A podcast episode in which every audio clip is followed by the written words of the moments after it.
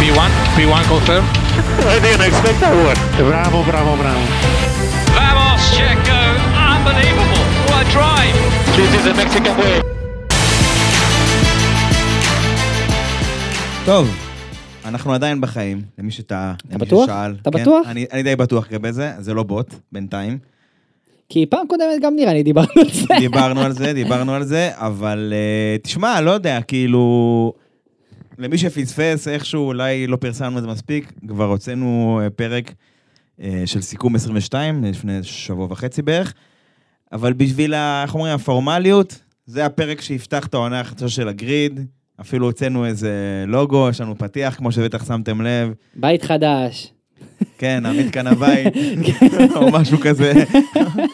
אה, זהו, אני אני אומר שעזוב, מבלי כל הקשקושים, בוא נתחיל פשוט. טוב, אז כמובן אנחנו נתחיל אה, לדבר על עונת 2023, כי זה תכלס הדבר הכי מעניין שהולך להיות על הפרק. לגמרי. אבל אה, לפני שאנחנו פותחים את העונה, יש שאלה שרצה בין הקהל, וכאילו, ממש ממש אני רוצה לשאול אותך, אורי.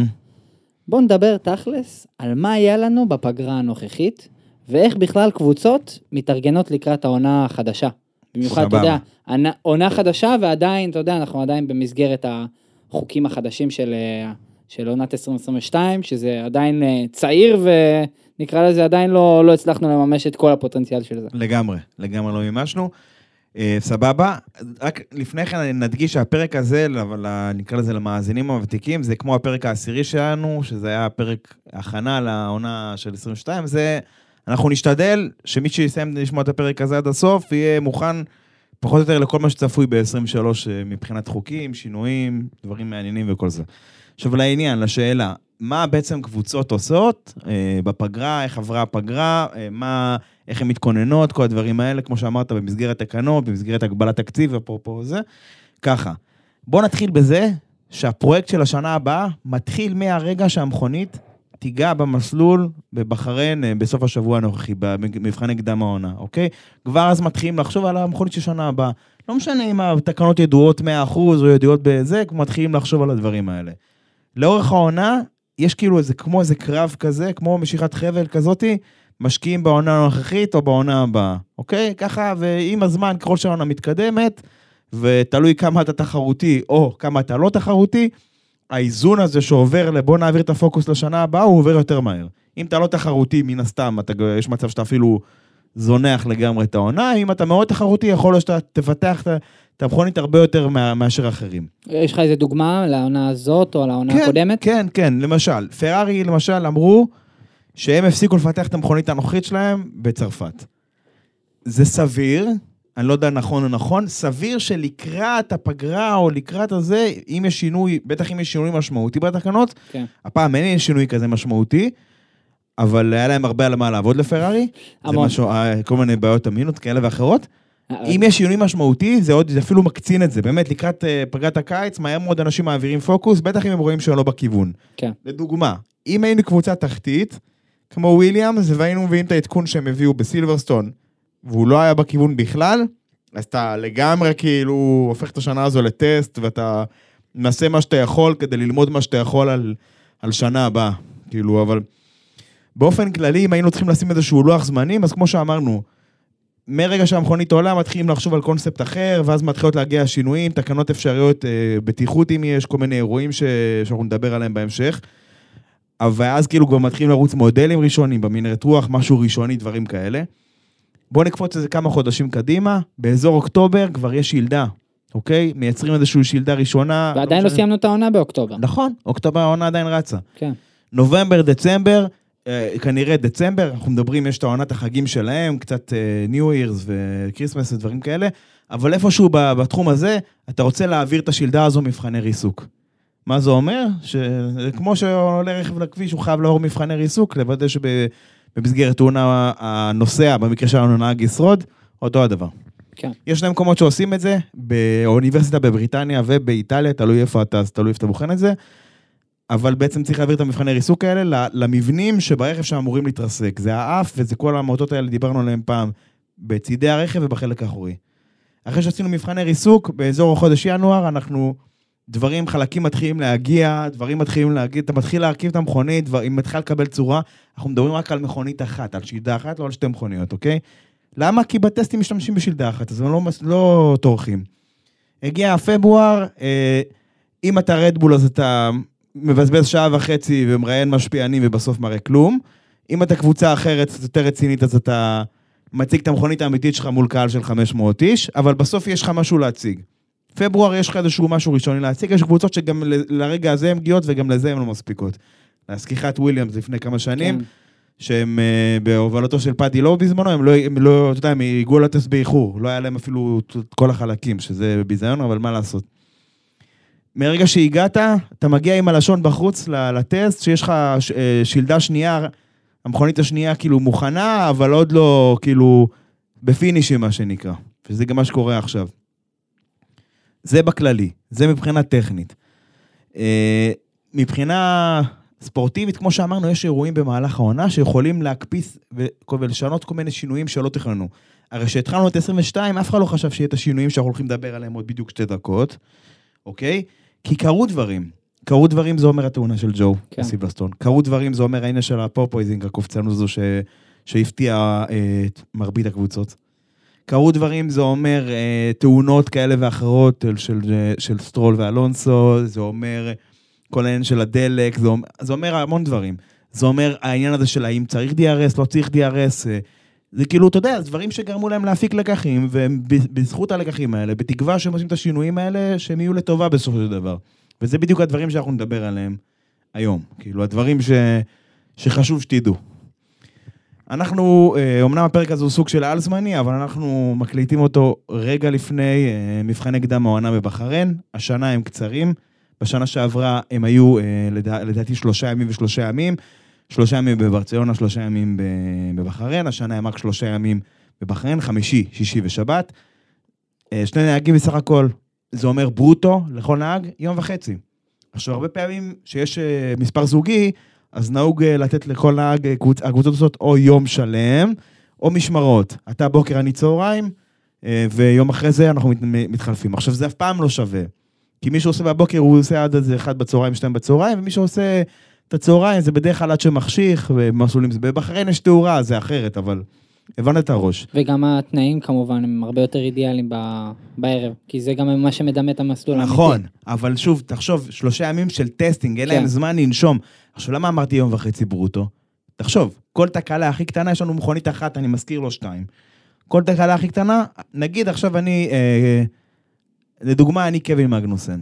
אני יודע, אני לא בלונדיני, זה בסדר, אבל אה, אני עכשיו עשיתי את הטסט של הבוקר, לא יודע מה, תקלה הידראולית, אה, מה שזה לא יהיה, האוטו עצר באמצע הדרך, אספו אותו על גרר, המכונאים עבדו כל ההפסקת צהריים, לא יודע, לא הצליחו לסדר את זה. אם אני עכשיו, אם אתה ניקו אולקנברג ואתה אמור לנהוג אחרי הצהריים, זהו, הלך לך הזמן שלך. כן, אין לך בכלל זמן. יכול להיות שמחר, לא יודע, יפצו אותך, ייתנו לך לפתוח או משהו כזה, אבל כן. אנחנו מדברים פה עכשיו, ניקו אולקנברג זה בחור אולטרה מנוסה והוא יסתדר. אבל מה אם אנחנו מדברים על אוסקר פיאסטרי? סבבה, הוא מוכשר, נה נה נה, אין בעיה, הוא מתחיל. מה אנחנו מדברים על ניק דה פריס? גם לו יש המון ניסיון, אבל הוא חדש. כן. והוא לא נהג בדור הזה של המכוניות, הוא נהג בקושי, במילואים שנה שעברה. ולוגן? סרג'נט לוגן כמובן. סרג'נט, rookie לחלוטין. הכי rookie מבין ה... אז סבבה, אז, אז אתה מזכיר לך ששנה שעברה וויליאמס אה, אה, בערך התפוצץ להם האוטו פחות או יותר בבחריין, אני לא יודע אם אתה זוכר, עלה להם באש האוטו שם, אם אתה זוכר את זה? כן. תחשוב שדבר כזה קורה, אתה שורף חצי טסט, אין לך עכשיו, אין זמן, כאילו, זה אולי גם מה שיפה בזה, שאין כל כך זמן, אז צריך להתרכז בעיקר. אין עכשיו זמן ל zero pods וכל מיני הפתעות, אתה ישר חייב לבוא עם כל התותחים הכבדים על היום הראשון, השני ולרוץ. יש, יש עוד נקודה של אין זמן. אה, דיברת באמת על ה winter testing, אבל שבוע אחר כך מתחיל העונה. כאילו, מסיימים את ה winter testing אפילו פחות משבוע כבר, אה, יום שישי כבר עולים ל-FP1. נכון. וזה יותר מקצר את הזמנים. דיברת על שלדה אחת, מה קורה עם השלדה השנייה? ה winter testing נגמר, ותוך שנייה הם צריכים גם לסדר את השלדה הראשונה, גם את השנייה לקראת אה, יום נכון, שישי. אז הם- בוא נגיד שהשבוע הזה, שדיברת עליו, ששבוע שבין סיום הטסט לתחילת FP1, הם אה, לא יהיה להם הרבה חופש להתחיל להסתובב בחריין, לא יודע מה, לקנות זעפרן בשוק. זה לא... אם יש להם כסף לזעפרן. אבל אה, זה, זה, זה לא, אתה יודע, כמו שאמרת, מגיעה שילדה, עכשיו אנחנו לא יודעים מה המצב של הקודמת, הם צריכים לבנות את זה והכל כדי להתכונן ל-FP1. זה נשמע כאילו הרבה זמן, מראשון עד שישי בבוקר, בפועל, אני אומר לך שזה לא. הם כאילו יום, הם זה, יגיעו, יגיעו, אתה בטח תזכיר את זה אחר כך, שגם בקטע הזה של הקרפיו, שמאפשרים להם ככה איזה כמה פעמים בעונה, אתה יודע, לעשות אה, לילה לבן, זה גם מגבילים אותם העונה. אז זה, הם יגיעו עם הלשון בחוץ ליום שישי לדעתי. בטח אם היה להם תקלה יוצאת דופן, ולהתחיל להתחיל לתחקר ו, וכל מיני דברים כאלה. וזה דברים כאלה קורים, בשביל זה הטסט, אתה מבין? אף אחד לא מצפה שאתה תבוא, כמו שמרצדס היו עושים פעם, אה, ואתה יודע, נותנים איזה קילומטראז' שבוע ושני, אה, קילומטראז' שבוע ראשון, סליחה, שבוע שני, ומגיעים כאילו bulletproof לעונה. fit, כן. אין, זה, זה, זה כאילו בלתי נמנע שיהיו תקלות, וכל תקלה הכי מסכנה שיש, זה, זה יכין אותך, תתפוס אותך במקום קצת אה, לא טוב. אה, טוב, מה, אולי קצת נדבר באמת על מה, ש, מה שחדש, אז בשביל זה הייתי רוצה שנתחיל עם איזה צליל מעוקר מהעונה שעברה. כן.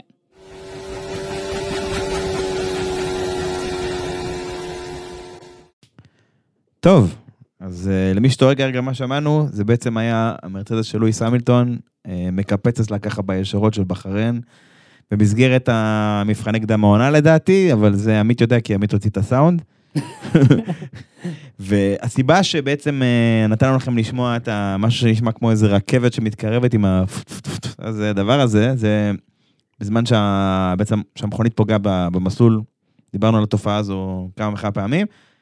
הסיבה היחידה שהשמענו שהתחלנו, פתחנו בזה, היא כי מרב השינויים, לא כולם, אבל נקרא לזה המוטיבציה מאחורי השינוי התקנות הנוכחי, זה בעקבות התופעה הזאת. הם תשובה לתופעה הזאת, אוקיי? אה, אני בטוח שאתה זוכר את, מה- את התמונות של לקלר שם בישורת של ברצלונה, כמו איזה clubber, ואחר כך גזלי עם הראש המתנענע הזה בדרך לפנייה אחת בבחריין וכל הדברים האלה. הכי מוכר לי זה כמובן אה, המילטון בבקו, שמסיים את המרוץ, וגם כותב בפוסט באינסטגרם, וגם אה, רואים אותו אחרי המרוץ שבור, פשוט כואב כן. לו ממש, כל הגוף. כן, שם זה היה bouncing, לא porpoising, זה, זה כאילו, זה תופעה דומה, בפועל זה מנענע את הנהג, זה לא משנה ממה היא נובעת, אם זה אווירודינמיקה או מכניקה, אבל נענע אותו יופי שם, בוא כן, נגיד ככה, זה. לא... זה. אז שוב, לענייננו, אה, בעצם עיקר השינויים, כמו שאמרנו בהתחלה, אם, אם זה היה תלוי ב FOM, ב-FIM ו-FIA, כל החבר'ה האלה, הם לא היו משנים את התקנות האלה עד 26. למה? כי צריך, דיברנו על זה בפרקים קודמים, בעונות קודמות, כדי להביא אה, בעצם צמצום אמיתי של הגריד בצורה אורגנית, לא מלאכותית, כן. צריך לשמור על יציבות בתקנות. למה? לתת לאנשים ללמוד אותם, לתת לאנשים להבין את המכוניות שלהם, ולאט לאט הם יתכנסו באופן טבעי. התחילו להיכנס לפתרונות הכי טובים, כמו שראינו קצת ב-23 עכשיו, והם יתכנסו באופן טבעי. עכשיו, מה לעשות שכמו שאמרנו לפני כן, יש דברים שמאלצים אותם לפעול. אז כמו שאמרת, אחרי בקו, איפה היה התערב, ובעצם נעשו כל מיני שינויים, ש... ב- ב- אתה יודע, בבסיסם הם כדי להתמודד עם התופעה הזו, או להפחית אותה, כי היא תחזור השנה. בואו נעשה כן. לכם ספוילר, היא תחזור השנה.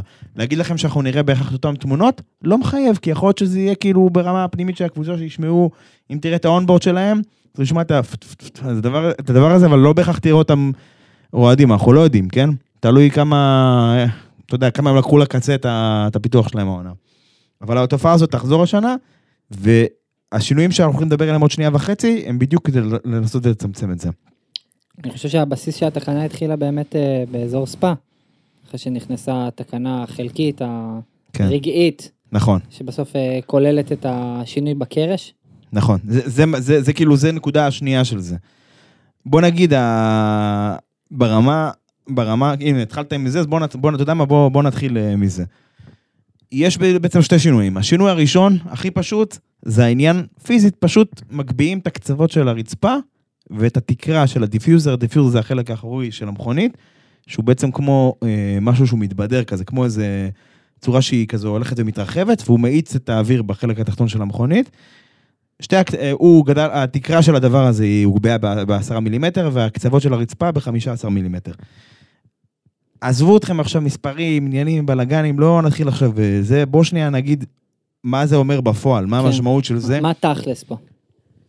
תכלס, הדבר הזה, זה פשוט, בוא נגיד, זה למנוע איזה שהן אינטראקציות, או לצמצם את האינטראקציות בין, בין האוויר למסלול. כי בסוף, מה שקרה זה קבוצות שהם ניסו ללכת, נקרא לזה ללכת לעבור את הגבול, ניסו להוציא כמה שיותר מהמכוניות האלה, כי המכוניות האלה עם האפקט הקרקעי הן עובדות הכי טוב שהן הכי קרובות למסלול, אוקיי? כמה שיותר קרוב, ככה יותר מנסות את- המקסימום שלהם. עד לפעמים מצב שהן מגיעות גם מעבר למקסימום הזה, שזה גם יוצר את העניין של הקופצנות הזו, שזה פשוט נוגע ברצפה, נחנק, עולה, חוזר חלילה, דיברנו על זה. אמ, אז הפתרון הכי פשוט, זה פשוט להקשות על הקבוצות ולהנמיך את המכונית. ואיך אתה עושה את זה? אתה מגביה את ה... את ה... בוא נקרא את הגבולות אה, גזרה שלך. הבעיה, שבדיוק אמרת את זה וסתרנו את עצמנו. מהמם.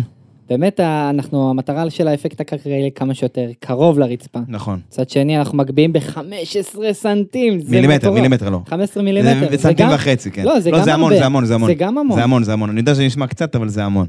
וכאילו זה, זה נשמע הפוך על הפוך, מה... למה? למה כי, בעצם? כי כמו שאמרנו, אנחנו רוצים להקטין את האינטראקציות ביניהם. אם אנחנו, אה, אם אנחנו בעצם אה, מאפשרים לקבוצה למצות את הפוטנציאל של המכונית ומעבר לו, אז יש יותר סיכוי שיגיע למה שנקרא לפורפויסינג של, של קופצנות כתוצאה מהאווירודינמיקה. כמו שאמרנו, שה, שלא מגיע אוויר לחלק האחורי, החלק העליון מתרומם, החלק האחורי מתרומם, והוא שוב מגיע ומדביק אותו שוב וחוזר חלילה, אוקיי? אני לא מדבר על bouncing שזו תופעה שונה, שזה ברגע שהקרש פוגע ברצפה כל הזמן, וזה קרה למרצדס אחרי שהם פתרו את ה... זה מדבר על porpoising. טוב, ואז כמו שאמרנו, יש שינויים מבניים פיזיים, מג, מגביהים את קצוות הרצפה ואת ה diffuser, את התקרה של ה diffuser, ובנוסף, גם יש הגבלה על, על, על המידה שבהם הם יכולים להתכופף, הקצוות של הרצפה. עד עכשיו אפשר היה להתכופף פחות או יותר 12 מילימטר כלפי מעלה, ש- אה, 8 מילימטר כלפי מטה, בתחת עומס מסוים של 25 קילו. איך עושים את זה? מניחים משקולת כזו וכזו ורואים כמה זה מתכופף. למה? בשביל למנוע מהקבוצה בדיוק את אותו דבר. למנוע מהם, אם עכשיו הרצפה קצת יותר רחוקה, למנוע מהם, אתה יודע, ל... להתקרב. בדיוק, להוסיף קצת פחות עובי בקצוות, ואז כאילו מכפיפה, כתוצאה מעומס זה כזה ייגע ברצפה. אז גם הקשיחו את המבנה של הרצפה וגם הגביהו אותה, בדיוק כדי למנוע את המשחקים האלה. הנקודה השנייה היא, כמו שאתה אמרת בצדק, התקנה שנכנסה בספא, Technical Directive 39. הקטע הזה, אה, בשנה שעברה, הקרש הזה שנמצא מתחת למכונית, לקרוא לזה קרש זה מצחיק, אבל זה, זה הדבר שזה הכי דומה לו, זה לא עשוי מעץ, זה עשוי מכל מיני חומרים, אבל לצורך הדוגמה, הוא אמצעי מאוד מאוד פרימיטיבי, שנועד לבדוק בדיוק את זה. האם קבוצה התקרבה יותר מדי או לא, מודדים אותו בסוף המסלול, האם יש שחיקה של יותר ממילימטר, סימן שהתקרבתם יותר מדי, חרגתם מהתקנות. עכשיו בתקנות, היה כתוב שצריך למדוד אותו רק בחלק האחורי שלו, הוא מחובר בכמה נקודות למכונית, רק בחלק האחורי שלו, ובחלק הקדמי לא היה כתוב. יש קבוצות שניצלו את זה, ו- ודיברנו על זה שהם השתמשו בו כמו כרית כזו, שהם כאילו כל הזמן כאילו נגע ב, ב, ברצפה, וכאילו כל הזמן בעצם ניצלו אותו כדי להצמיד את המכונית הרבה יותר ממה ש... יכלה. שיכלה. ולכן בעצם הם הוסיפו תקנה ששינתה את זה, העניין של, ה- של ספא שדיברת עליו זה שני דברים.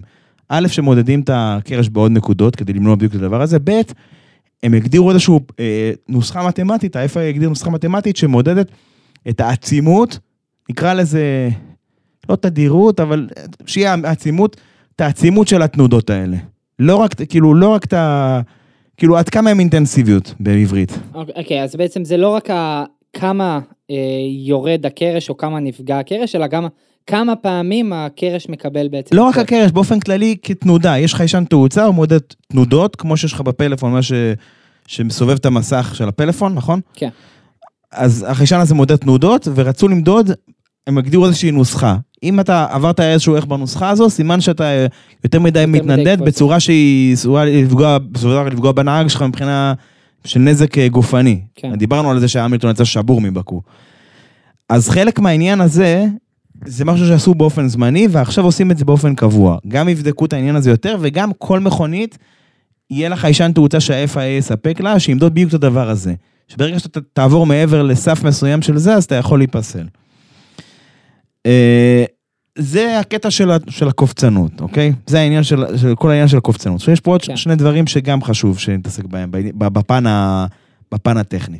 העניין של דברים שראינו בעונה שעברה, שהעונה הם אסורים. למה? הם לא עמדו ברוח של התקנות. מה זה אומר רוח התקנות? אנחנו רצינו להקטין את האוויר המלוכלך, אנחנו רצינו זה, אתם מצאתם איזושהי פרצה שמאפשרת לכם להזרים יותר אוויר באזור מסוים, והאוויר הזה בסוף יגיע למכונית שמאחורה ויפגע ביכולת שלה לעקוב. זה, הסברתי בצורה הכי פשוטה שיכולתי. לחלוטין. איזה שתי פתרונות שאנחנו, על מה אנחנו מדברים פה? אתה זוכר את הכנף האחורית של אסטון מרטין? בטח. שהייתה נראתה כמו ספה כזאת? כן. אה, טד קרביץ קרא לזה ספה, כי זה היה כמו... איך זה נקרא? אה, התושבות של השפה. הידיעות האלה של. הספות של פעם, של הסאסות כן. וזה. הדבר הזה זה קומ- קומבינה, סליחה על הביטוי, של... הם שיח- הם שיחקו עם התקנות עם תקנה של רדיוס. הם בעצם קראו את התקנות, ו- ומבחינת רדיוסים אפשר היה ליצור את הצורה הזו. עכשיו, מה, שהצורה הזו נתנה זה בעצם תחימה לכנף האחורית, וזה הגביר את ההצמדה של הכנף הזאת. אה, שזה טוב רק למסלולים שיש בהם הצמדה גבוהה, הונגריה, סינגפור, דברים כאלה. אבל זה לא, זה לא בקנה אחד עם רוח התקנות. למה? כי בעצם אותם, נקרא לזה ידיות של הספות, הן מייצרות בעצמן איזושהי הפרעה שהכנף לא אמורה לייצר. כי אני לא יודע אם יש לך את התמונה כרגע בראש, אבל הכנפיים האחוריות של 22, אין להם כבר את הקצוות ה... שתוחמים אותם באותה דרך, שכאילו ייצרו איזה שהם הרבלות שפגעו בזה, אתה מבין? כי הם הרבה כן. יותר הגלגלות, הם הרבה יותר אה, אה, ככה. יעילות, נגיד כך. אז בעצם הם עלו לפרצה הזו, והפרצה הזו נסגרה. השנייה היא של מרצדס, שהם הביאו את העדכון הזה במיאמי. עכשיו, קשה לי להסביר את זה, אבל מי שקרא את הסקירה על המרצדס החדשה, על ה-W14, התייחסתי בדיוק לזה שמה. האלמנטים של הכנף, בדיוק באותם, סנפירים. בדיוק בקצוות האלה, כן. הם השיגו אותם, הם השיגו אותם פנימה, כי זה מה שהתקנות אפשרו להם, ואז בעצם יצרו איזשהו חלל כזה, שמאפשר להעביר, לברוח לקצוות של הכנף הקדמית. קשה לדמיין את זה, אני יודע, אבל קשה, לברוח אלא בעצם מחוץ לגלגל. אז זה אומר שהכנף הקדמית, במקום שזה ייכנס לבפנים האוטו, זה יוצא החוצה ויוצר את זה Outwash כזה. בדיוק, זה בדיוק מה שזה יוצר. זה יוצר Outwash, זה מגביר את ה-Outwash, את הזרימה הזאת. ש, שזה חשוב כי... ולקבוצה כמו מרצדס, שה- שהכונסים שלה היו כל כך קצרים, היא צריכה את ה-Outwash הזה. כי ה-Outwash הזה, תחשבו שאני... כמו, כמו מים, אוקיי? אם אני שופך את המים האלה החוצה ואני נותן להם לזרום כמו נהר, אוקיי? אני צריך משהו שימשוך את המערבולות שנוצרות מהגלגלים. הרי שהאוויר פוגע בגלגל זה כמו קיר בשבילו, זה גלגל מסתובב, נכון? זה כמו קיר בשבילו, זה גם בחלק העליון וגם בחלק התחתון, זה כמו איזה, דמיין כמו איזה סופה קטנה, וזה הולך והולך לפגוע, להיצמד לי לגוף ולרדת ולרדת לתוך התעלות ולפגוע לי ביעילות של המכונית. אני צריך להסיט את הדבר הזה. או להסיט או לדחות אותו שהוא יגיע בשלב יותר מאוחר. בשביל זה מכונית כמו מרצדס שאין לה כונסים רחבים כמו שלפרארי היה, כמו שלאסטון, היה- לא לאסטון, לאלפה רומאו היה, לרדבול, כל החבר'ה האלה, אז ה outwash זה, זה כאילו קריטי בשבילם. כן. אז באמת סגרו להם את העניין הזה, אבל אם אנחנו חוזרים שנייה ל-23, במרצס החדשה שהם הציגו על ה-W14, החמקן השחור הזה, ה... שאין לו הרבה צבע וזה כבר סיפור אחר, הם עשו שם משהו יפה. הם עשו שם בדיוק אותו דבר, אבל הם חיברו את זה עם כאלה, כמו קט- מקטעים קטנים כאלה מקרבון, עם צורה כזו אווירודינמית, כן. ואז הצורה הזו בעצם, כל אחד מהצורות האלה מייצרת בעצמה איזושהי מערבולת, וזה יוצר אפקט דומה. הם הצליחו להתגבר על זה, בוא נגיד, בצורה חכמה. יש לי שאלה מעניינת כאן שעלתה לי. אה, בעצם זה שאתה מציג מכונית, זה אומר שהיא עומדת גם בתקנות? כי אם דבר כזה, סתם דוגמה, אה, מרצדס הציגו. אבל מצד שני, יכול להיות שזה לא עומד באותה, אתה יודע, באותה דרך של התקנות של אה, 2023. הבנתי מה אתה שואל. אתה מדבר על אלפה רומאו שהיה במקרה? לאלפה רומאו, על פרארי ומרצדס, באותה מידה. לא, אני אומר כי ה- כי אז דיברו, הרצפה שלהם חוקית, לא חוקית, דרך אגב כן, אבל לא משנה. אה, תשמע, שאלה מצוינת. אני לא בטוח. כאילו, מה זה לא בטוח? בוא נגיד שאם תציג משהו קיצוני, יפתחו עליך עיניים. אף אחד לא, אתה יודע, אף אחד לא יפנה לאיפה עם זה, אבל כבר ראינו בעבר שמנסים טיפה לבלבל את האויב. בוא נגיד ככה, אם דיברנו על מרצדס, מרצדס ב... בוא נגיד שאני ראיתי את ההשקה שלהם, אז אחרי זה הם שחררו את הרינדורים, את ההדמיות, בהדמיות לא רואים את האמבטיות שיש להם למעלה. לא, כי רואים את זה הרבה יותר מוקדם, וגם בשנה שעברה, אני לא יודע אם אתה זוכר, ההדמיות שהם שחררו זה היה גרסה, לא, מה מה- זה מוקדמת, לא דומה בכלל. וזה זה בסדר. היה יותר דומה לרכב דוגמה של 2022. לגמרי. נו, ומה נגיד על אלפין, שגם, אה, ששחררו אותה, בהשקה שלהם זה בלבל את האויב. זה, בהשקה, לא יודע אם צפית בה, היה מכונית ורודה על הבמה ומכונית כחולה. המכונית הוורודה היא שואו-קאר, צפויה בוורוד. המכונית הכחולה זה מכונית משנה שעברה. המנהל הטכני שלהם בא, דיבר עליה כאילו היא המכונית החדשה. ברקע במסך הם הראו את התמונות שלהם מהשקדאון בסילברסטון עם המכונית החדשה, וברינדור הציגו מכונית שלישית שונה לגמרי, שהיא שונה אפילו מהשקדאון. אז כאילו, אמר, ראיתי את זה, אמרתי, טוב, בוא נחכה לבחריין, נראה מה הם יביאו, כאילו, אבל, אבל קודם כל זה היה מעניין לשמוע מה הם הסבירו. כן, אבל זה, זה, מבחינתי זה לא כזה מקצועי. לש... ל... ל... אתה יודע, ל- לענייננו, אה, בוא נגיד שאני חושב שכן אפשר להציג משהו שהוא לא הכי חוקי, הוא לא הכי משקף את המציאות, כי זה חלק מהמשחק, לא לחשוף את הקלפים, ועובדה שעוד לא ראינו את הרדבול, נכון? אירוע של שעה וחצי, דיברנו על זה, צחקנו על זה, לא ראינו כלום. בוא אה, נמשיך, נראה לי, לתקנה הבאה, אה, כן, העניין המשקלי, בגלל שדיברנו על הצבע ודברים כאלה, שזה חלק מתקנות 2022, שבעצם עם הזמן אנחנו נתחיל לרדת במשקל. נכון, אז הכוונה המקורית הייתה לרדת מ-798 ל-796.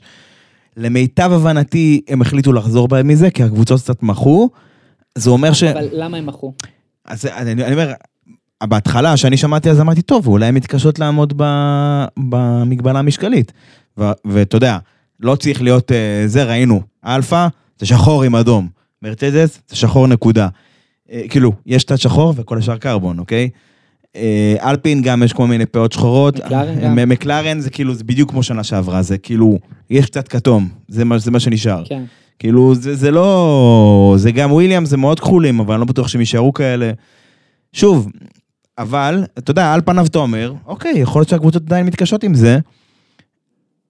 ואז, אתה יודע, גיליתי השבוע משהו מעניין. אלפין אמרו, אישרו בהשקה שלהם, שהם עשו עבודה קשה מאוד בעניין הזה של ההורדה המשקלית, ומתחת למשקל. ומרצדס גם אישרו את זה בצורה כזו או אחרת.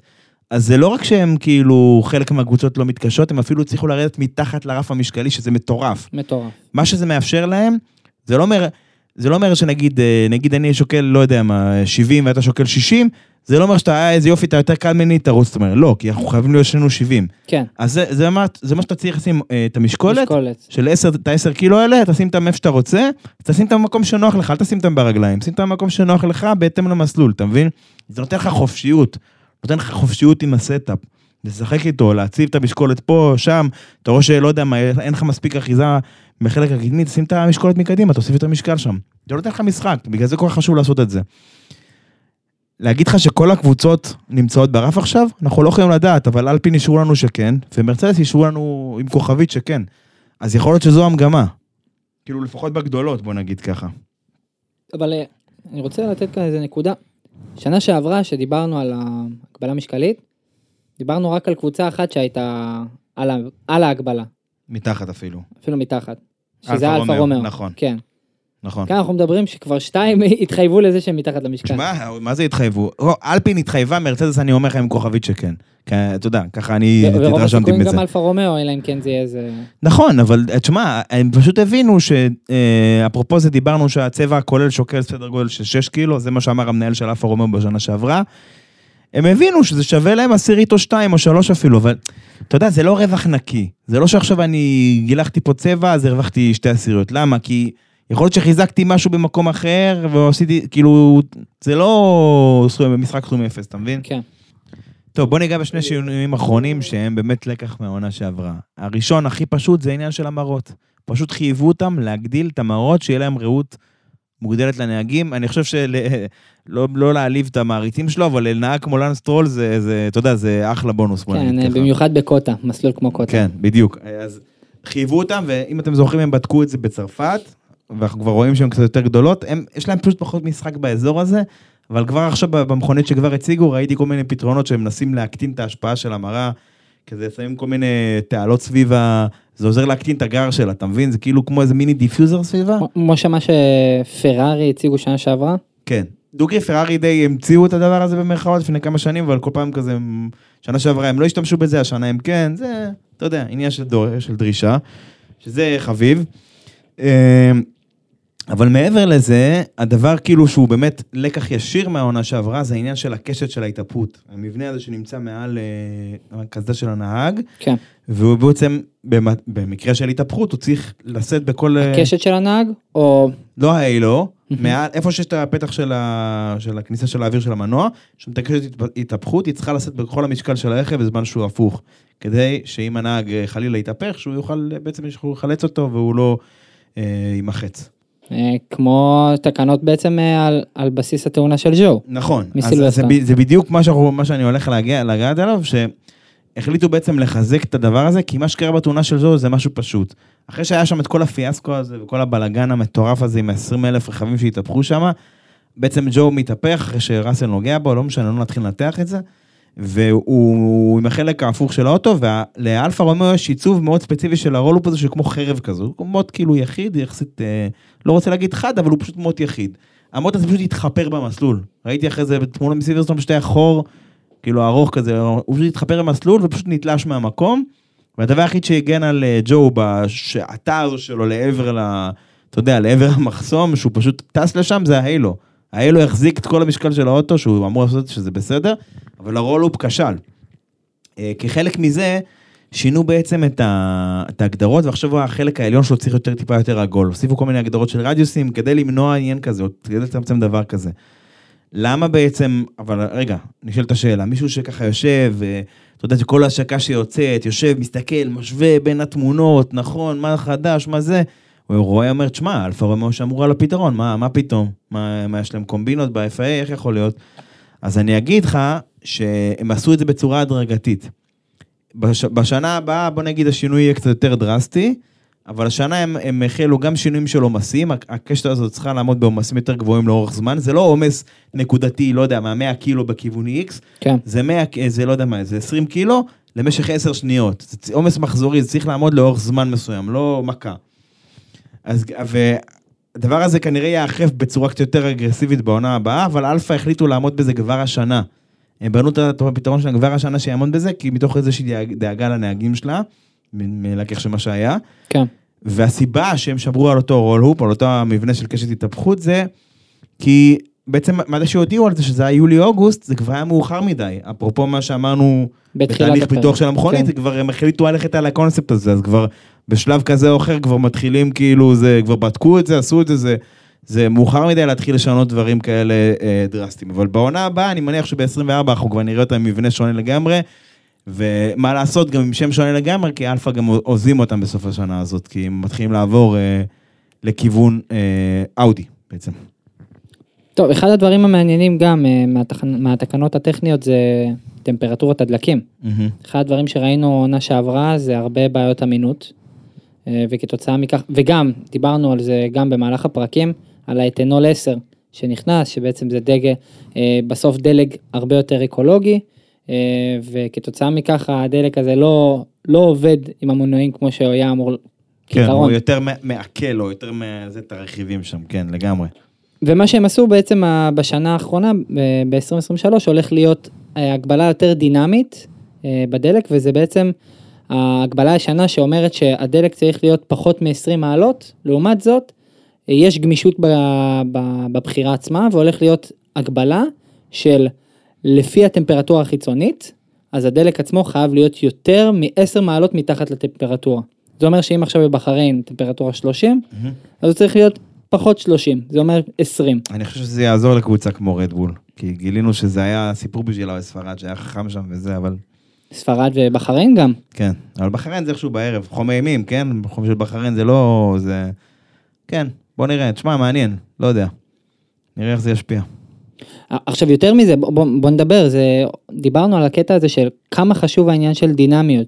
ככל שאתה יותר fine tuning ואתה יכול למצוא את, ה, את המקום שלך ברכב, mm-hmm. הרבה יותר קל בסוף אה, להביא את ה adjustment הנכון בשביל, ה, בשביל הנהג ובשביל כמובן הרכב עצמו. כן.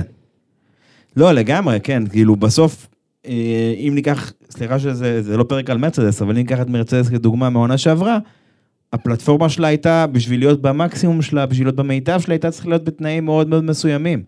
בגובה מאוד מאוד מסוים מהרצפה, שיחסית קרוב לרצפה, אה, עם מסלול שאין לו יותר מדי מהמורות, שאין לו יותר מדי דברים, כאילו, טיפה הוצאת אותה מהמשבצת הזאת, מהמעטפת הביצועים הזאת, ואתה ראית שהם בשום מקום. בשום מקום של מרצדס, זה אומר מקום 5-6 best of the rest מובהק, כן? בכל זאת מרצדס, אבל בשום מקום. וכנ"ל גם, אתה יודע, המקלרן שהיו כאילו מסלול כן, מסלול לא, וכל מיני דברים כאלה. והקבוצה שבאמת, אולי מן הסתם, אתה יודע, ראינו שהרבה לקחו, לקחו ממנה דוגמה, זה רדבול, כי בסוף לרדבול הייתה פלטפורמה הרבה יותר יציבה. כן. הם הצליחו להתמודד עם הקופצנות הזו בצורה יפה. ברור שאדריאן נוי עשה את התזה שלו גם על הנושא הזה, הוא גם, הוא עבד בפעם הקודמת שזה היה בתחילת אה, שנות ה-80, אבל עדיין, כאילו זה... אתה יודע, הפלטפורמה שלהם הייתה קצת פחות רגישה לשינויים, נגיד ככה. אבל דיברת בדיוק על העניין של רדבול, אבל בוא ניקח את העניין של דלק. ויכול להיות לך מסלולים שיום אחד הטמפרטורות יכולות להיות 10 מעלות, וטמפרטורה יום אחרי זה יכולים להגיע ל-30-40 מעלות. כן. ב- ובזה עניין של הפרש של 12 שעות, 24 שעות. נכון. האם המכונית מבחינה טכנית אה, תביא ביצועים שונים? כן, בטח. אבל קודם כל, שוב, השאלה מתי מודדים את מה שאתה אמרת. קודם כל כן, בטח, אבל השאלה מתי מודדים, אם זה מודדים שעה לפני המרוץ, אז לא, הם יכולים לחמם את זה, זה לא יהיה סיפור גדול, אבל... אני חושב שבעניין הזה שאמרת של טמפרטורות, יש קריטריון אחר שהוא הרבה יותר מחמיר בקטע הזה, וזה עניין של צמיגים. אתה ראית את זה העונה שעברה, שבתנאים מסוימים היה להם קר, רדבול לא היה בשום מקום. והנה, באוסטריה, פרארי היו הרבה יותר טובים מרדבול. זה לא... זהו, בתנאים אחרים שהיה חם, מרצדס היו פחות אה, בעניין, וזה... ומה התקנות אה, לגבי צמיגים השנה? שמע, אה, קודם כל יש כאילו כמה דברים. קודם כל, זה יצא ככה על הדרך, כי זה משהו שיצא בפגרה באחת הכתבות, אבל קודם כל הבטיחו אה, תרכובות, שהם טיפה יותר, יאפשרו טיפה יותר אחיזה, וטיפה פחות תת היגוי או אנדרסטיר, שזה היה אחת המחלות של התקנות החדשות, שהנהגים פשוט התלוננו שבפניות האיטיות, איפה שיש פחות הצמדה ויותר צריך אחיזה מכנית, יותר תגובה, אז הם פשוט לא יגיבו מספיק, אתה יודע, לא... פחות תגובתיות, והתקווה היא שהתרכובות החדשות יספקו את זה. צריך גם לזכור שעברנו ל-18 אינץ'. נכון. וכתוצאה מהחתך נמוך גם יש אה, איזשהו משהו שנפתח וצריך ללמוד ולעשות לו את ה adjustment. נכון, ובאמת עושים אותו.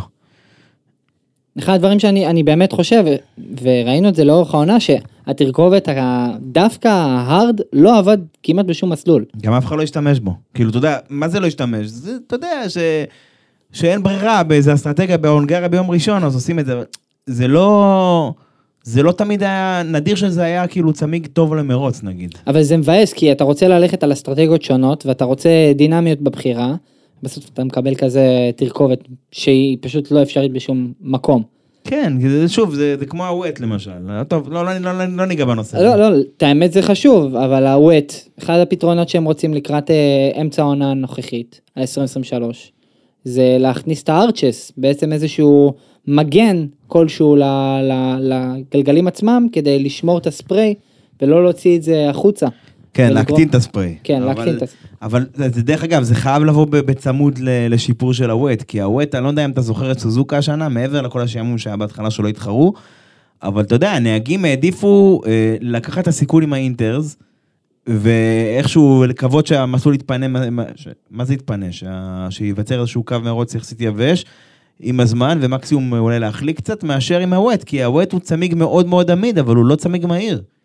וכאילו כבר דיבר, דיברו על זה שבתחילת שנות האלפיים היו צמיגי מונסונים כאלה, שאתה יודע, שיכולו להתחרות איתם, ויש בזה משהו. כן. עדיף שאפילו הם יפנו קצת פחות, אה, יפנו קצת פחות אה, נוזלים מה, מהקיבולת הנוכחית כן. שלהם, אבל שיוכלו יותר להתחרות, שתהיה להם אחיזה יותר גבוהה. כי בסוף, בינינו, אנחנו פה כדי להתחרות, והזכרת את הקשתות האלה של הגלגלים, זה משהו שהוא נמצא בבדיקה בימינו, וגם זה, אני שם את זה בכוכבית, שתדע, אין כוונה להטמיע את זה באופן קבוע, שזה ייראה כמו ג'יפים, או כמו קייטרם, או איזה מכונית כזו עם אה, מגני בוץ, זה לא.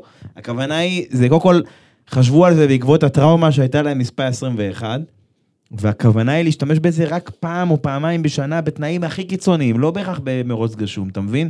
כי הם יודעים שיש לזה השפעה, כי הם יודעים שזה, נכון, נכון, זה מקטין את הספרי, אבל זה גם יכול לשנות את ההתנהגות של המכוניות. זה יכול לשנות הרבה דברים, אתה מבין? זה לא כזה פשוט להטמיע את זה. ואני מאמין שהם יטמיעו את זה רק ב-24 בפועל, כי הם צריכים את הזמן לנסות את זה, צריכים את הזמן לבדוק את זה, זה לא כאילו ככה. מצחיק אם בסוף המכוניות ייראו כמו פורמולה E לאט לאט. אני, אני מקווה שלא, כי, דרך אגב, פורמולה E ירדו מהעניין הזה, בדור הנוכחי שלהם ירדו מהכיסויים האלה. אבל כן, כמו הדור הקודם, זה... זה אתה יודע מה, אם כבר ניסיוני, בוא ניגע בדברים הניסיוניים, שלדעתי, הם, אה, קודם כל נגיד שהם דברים שהם ינחו אותם רק בחלק מהמקרים העונה, ואם הם יתפסו, כמו שאומרים, אם ילכו טוב, אז כנראה שילכו איתם על כל המרוצים ב-24.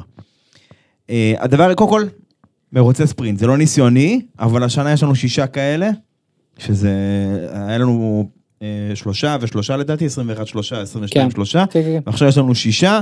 מיקומים, אתה אולי זוכר יותר, אני זוכר בקו, אני זוכר אינטרלגוס, אה, אה, קטר, אה, קוטה, כאילו אוסטין, כן. ויש עוד שניים, תזכיר לי. אמ, האמת, אני לא הכי לא זוכר. יודע, אני חושב, אמרנו קטר, אמרנו קוטה, אמרנו זה, אה, בקו, אוסטרליה וספא. עכשיו, בינינו, ספרינט זה נחמד, זה חביב, אבל צריך לדעת איפה לעשות את זה. אתה בטוח שזה אוסטרליה ולא אוסטריה? לא יודע. לא, אוסטריה בוודאות. אוסטריה אה, בוודאות. אולי אולי התבלבלתי אני, כנראה זו אוסטריה. בשורה התחתונה, צריך לדעת איפה לעשות. זה לא כאילו, ראינו שבשנים עברו, במונזה זה היה משעמם, ב- בסילברסטון זה היה בסדר, בברזיל זה תמיד מטורף, כי ברזיל זה מסלול אדיר פשוט, אבל אתה יודע, כאילו, צריך לדעת איפה לעשות. אני ברמה האישית נגד, ל- ל- אתה יודע, להמשיך ולהגדיל את המרוץ הספרינט האלה. אני, אני חושב שזה תלוי בפר מסלול. כאילו, אני לא מתעניין בספרינט בספא.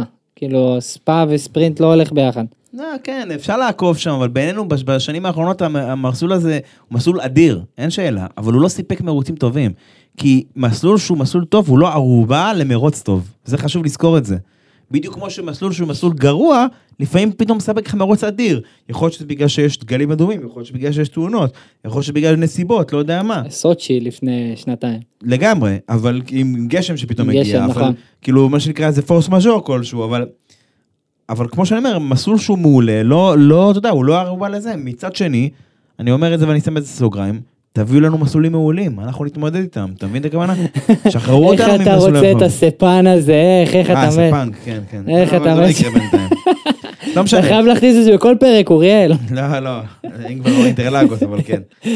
טוב, אה, רגע, בואו לענייננו, קצת חרגנו. כן. עוד לא דיברנו על אופני- על אופניים ודברים כאלה. כן. אה, ספרינטים, שישה אה, ספרינטים, שזה מאוד חשוב.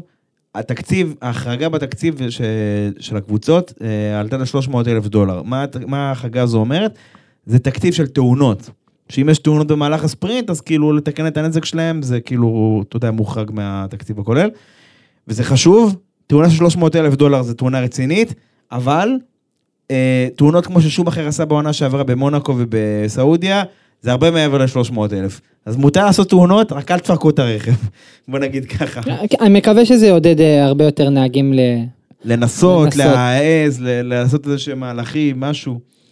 טוב, עוד משהו מאוד אה, חשוב זה העניין הזה של DRS, אם אנחנו מדברים על אה, דברים ניסיוניים, כן. אז לנסות לקחת את ה-DRS, ובואו נדבר על בספרינט, כי זה מעניין, ובמקום שזה יהיה בעצם, אם עכשיו מתחיל ריסטארט או מתחיל המרוץ, במקום לחכות שתי הקפות, ולהפעיל את ה-DRS, לה- להפעיל אותו כבר בהקפה ה- אחרי ההקפה הקפה אחת, הראשונה, כן. זה משמעותי. וזה משמעותי. כן. במיוחד ריסטארטים, אני חושב שזה מטורף, Mm. מה שזה יכול להוביל לריסטארטים, וספרינטים. בספרינטים. אז זהו, אז... תחשוב שיש לך כבר את ה-DRS טריין עם, עם, בשנייה הראשונה שהם יוצאים, זה יכול להיות מטורף. תקשיב, אם ה-DRS היה מופעל אחרי הקפה אחת בסינגפור השנה, בשנה שעברה, אני לא בטוח שפרז היה מנצח. היה לו פייס מטורף, שלא תבין, היה לו קצב אדיר, אבל, אבל זה פשוט כאילו, אתה יודע, זה לקלר אולי היה עובר אותו, היה מקשה עליו, זה כאילו, זה, זה מתכון לכאוס, זה מה שזה עושה. כן. אה, יבדקו, למיטב ידיעתי את השינוי הזה ב-DRS יבדקו, אה, לא אמרו איפה, הם פשוט אמרו בתור, אה, בשתיים מתוך אה, ששת מרוצי הספרינט הצפויים. אז צפו לזה. ועוד אה, שינוי ב- כן. בתקנות זה, אה, כמובן, זה ניסיוני גם, זה השינוי בדירוג. מהמם. עכשיו, מה, מה הולך להיות כאילו, בעצם השינוי עצמו בדירוג כדי להפוך את הקונספט הזה ליותר מעניין, אז לנסות לגוון אותו ובעצם לקחת כל תרכובת, תרכובת למקצה. להתחיל עם ה-Q1 עם התרכובת hard, Q2 את המדיום ו-Q3 את הסופט. כן. עכשיו, אני רואה את זה כ- כיתרון, כי א', מבחינתי, זה א', יוצר איזשהו מצב שהמכוניות יותר דומות ב- ביכולת שלהם. מהמם. לעומת אה, מקום כזה שאחד על סופט, אחד שומר על מדיום, אחד ככה, אה, כאילו זה זה גם טיפה פוגע בחזקות האמת. בדיוק. אמרת את זה נכון. כי, כי הרבה פעמים קבוצות שיש להן יתרון, יתרון רציני, אז הם כזה, טוב, אני לא צריך את הסופט עכשיו, ועושים, עוברים את המקצה על מדיום כזה וכל הדברים האלה.